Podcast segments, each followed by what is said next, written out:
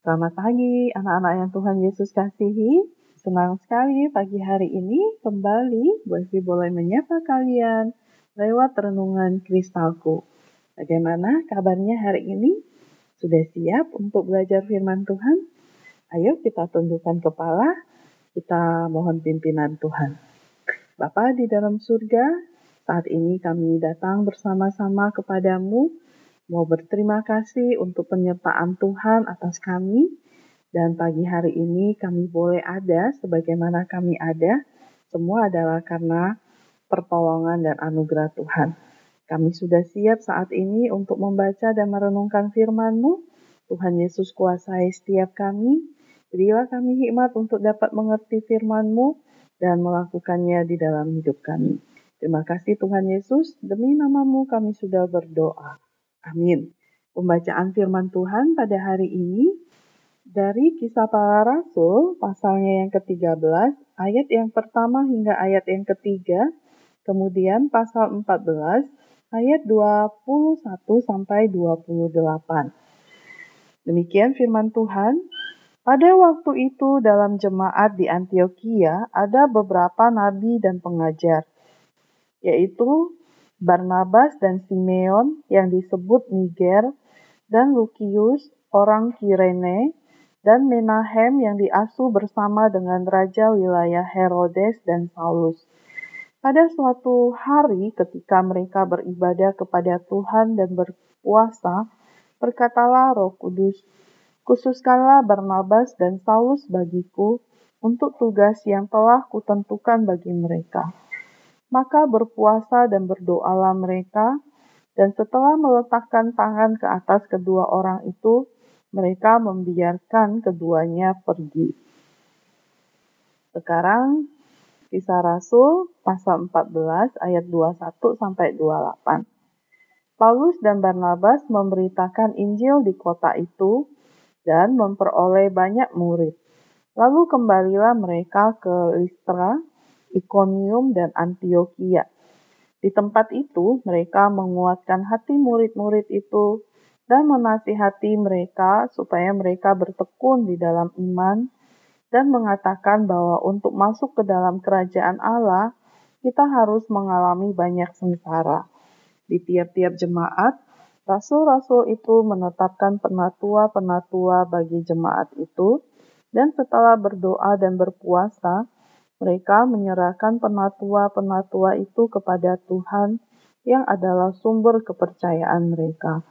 Mereka menjelajah seluruh Pisidia dan tiba di Pamfilia.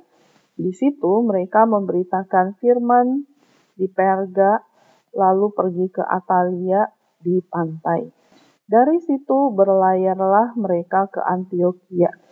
Di tempat itulah mereka dahulu diserahkan kepada kasih karunia Allah untuk memulai pekerjaan yang telah mereka selesaikan. Setibanya di situ, mereka memanggil jemaat berkumpul. Lalu mereka menceritakan segala sesuatu yang Allah lakukan dengan perantaraan mereka dan bahwa ia telah membuka pintu bagi bangsa-bangsa lain kepada imam dan bahwa mereka dan bahwa ia telah membuka pintu bagi bangsa-bangsa lain kepada iman. Di situ mereka tinggal, di situ mereka lama tinggal bersama-sama dengan murid-murid itu. Anak-anak yang Tuhan Yesus kasihi dari pembacaan firman Tuhan di sana dikatakan pada suatu hari sementara orang-orang percaya yang ada di Antioquia mereka sedang menyembah Tuhan, dan berpuasa, Roh Kudus berkata kepada mereka untuk mengkhususkan Barnabas dan Saulus untuk satu tugas khusus yang telah Tuhan tentukan buat mereka. Jadi orang-orang percaya mereka semua menumpangkan tangan mereka ke atas Barnabas dan Saulus dan berdoa untuk mereka. Kemudian Barnabas dan Saulus yang kemudian dikenal sebagai Paulus melanjutkan perjalanan mereka dan juga membawa Yohanes Markus sebagai uh, pembantu mereka. Dan juga membawa Yohanes Markus beserta dengan mereka dalam perjalanan itu. Roh Kudus menuntun mereka saat mereka pergi dari satu tempat ke tempat yang lain. Paulus dan pendamping setianya, Barnabas, memberitakan Injil Kristus dan banyak yang diselamatkan. Dalam perjalanan mereka kembali, mereka mengunjungi orang-orang yang telah percaya itu, yang baru percaya itu, dan mendorong mereka untuk tetap setia kepada Tuhan Yesus mereka juga memilih pemimpin di gereja-gereja baru itu dan berdoa bagi mereka. Anak-anak, apa itu pemuritan? Gambaran pemuritan itu seperti berikut. Kalian tahu benih tanaman? Benih yang belum ditanam, dia tidak ada kehidupan. Tapi ketika ditanamkan di tanah dan disiram, maka akan muncul kehidupan. Seseorang yang sebelumnya tidak mengenal Tuhan Yesus seperti benih yang mati tadi. Tapi ketika dia mengizinkan Yesus masuk di dalam hidupnya, mengubahkan hidupnya, membuang hidupnya yang lama, hidup lama yang berdosa, dan menerima air kehidupan dari Roh Kudus, dan percaya kepada Tuhan Yesus, hidup baru muncul berbeda dengan yang sebelumnya. Setelah benih itu tumbuh kehidupan, maka perlu disiram. Nah, dengan cara yang sama, orang-orang yang baru percaya harus dimuridkan. Mereka membutuhkan perawatan khusus sampai iman mereka berakar. Paulus memberitakan firman. Banyak yang dilahir barukan di dalam Yesus.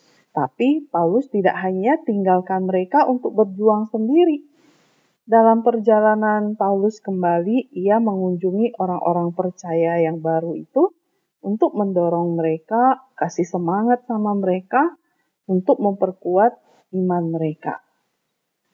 Penginjilan itu artinya memberitakan kabar baik pada orang lain, sehingga mereka bisa tahu kabar baik tentang Yesus Kristus yang mati dan bangkit bagi orang berdosa.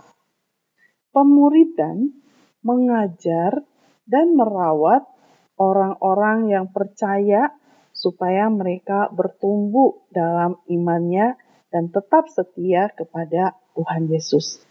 Anak-anak, apakah kamu memiliki teman-teman yang baru percaya? Berdoalah untuk mereka, kamu bisa kunjungi mereka, atau telepon mereka, dorong mereka, semangati mereka supaya mereka sungguh-sungguh kuat di dalam Kristus. Dan juga doakan bagi mereka yang belum percaya kepada Tuhan Yesus, supaya mereka boleh percaya kepada Tuhan Yesus. Demikian firman Tuhan, mari kita berdoa. Tuhan Yesus, terima kasih untuk firman-Mu pada hari ini. Kami boleh belajar Rasul Paulus, Barnabas, mereka pergi memberitakan Injil dan ada banyak orang yang baru percaya kepada engkau. Dan mereka tidak ditinggalkan sendiri, tetapi mereka dikasih semangat, didorong supaya mereka terus berjuang di dalam Tuhan, setia kepada Tuhan, dan bertumbuh di dalam iman mereka. Tuhan Yesus, tolong kami supaya kami pun bisa menjadi seorang rekan yang baik bagi teman kami yang mungkin baru percaya Tuhan Yesus untuk kasih semangat, kasih dorongan sama-sama untuk uh, kuat iman di dalam Tuhan Yesus dan kami doakan ada di antara teman-teman kami yang belum percaya kepada Tuhan Yesus supaya engkau menjamah mereka mereka hatinya boleh digerakkan oleh Tuhan mereka boleh percaya kepada engkau dan mereka boleh diselamatkan. Terima kasih Tuhan Yesus. Kami serahkan kehidupan kami ke dalam tangan-Mu. Tolonglah supaya kami sendiri pun boleh disirami oleh orang-orang yang Tuhan utus sehingga kami pun bertumbuh dalam iman kami dan kami juga setia kepada Tuhan Yesus. Kami berdoa, Tuhan pimpin kami hari ini. Tuhan berkati anak-anak dalam belajar. Tuhan berkati Bapak Ibu guru yang mengajar. Tuhan berkati kalau ada teman-teman yang dalam kondisi sakit, Tuhan sembuhkan. Yang sedih Tuhan hiburkan, yang lemah Tuhan kuatkan. Berkati mama papa dalam usaha kerja, mereka diberi kekuatan dan kesehatan oleh Tuhan. Semua yang mereka lakukan kiranya boleh diberkati dan berhasil. Terima kasih Tuhan Yesus, demi namamu kami sudah berdoa. Amin. Anak-anak, ayat mas kita hari ini dari 1 Korintus pasalnya yang ketiga, ayat yang ke-8 yang berbunyi, baik yang menanam maupun yang menyiram adalah sama, dan masing-masing akan menerima upahnya sesuai dengan pekerjaannya sendiri. Demikian firman Tuhan. Selamat belajar. Bersama Yesus, aku bisa bergerak dan berubah.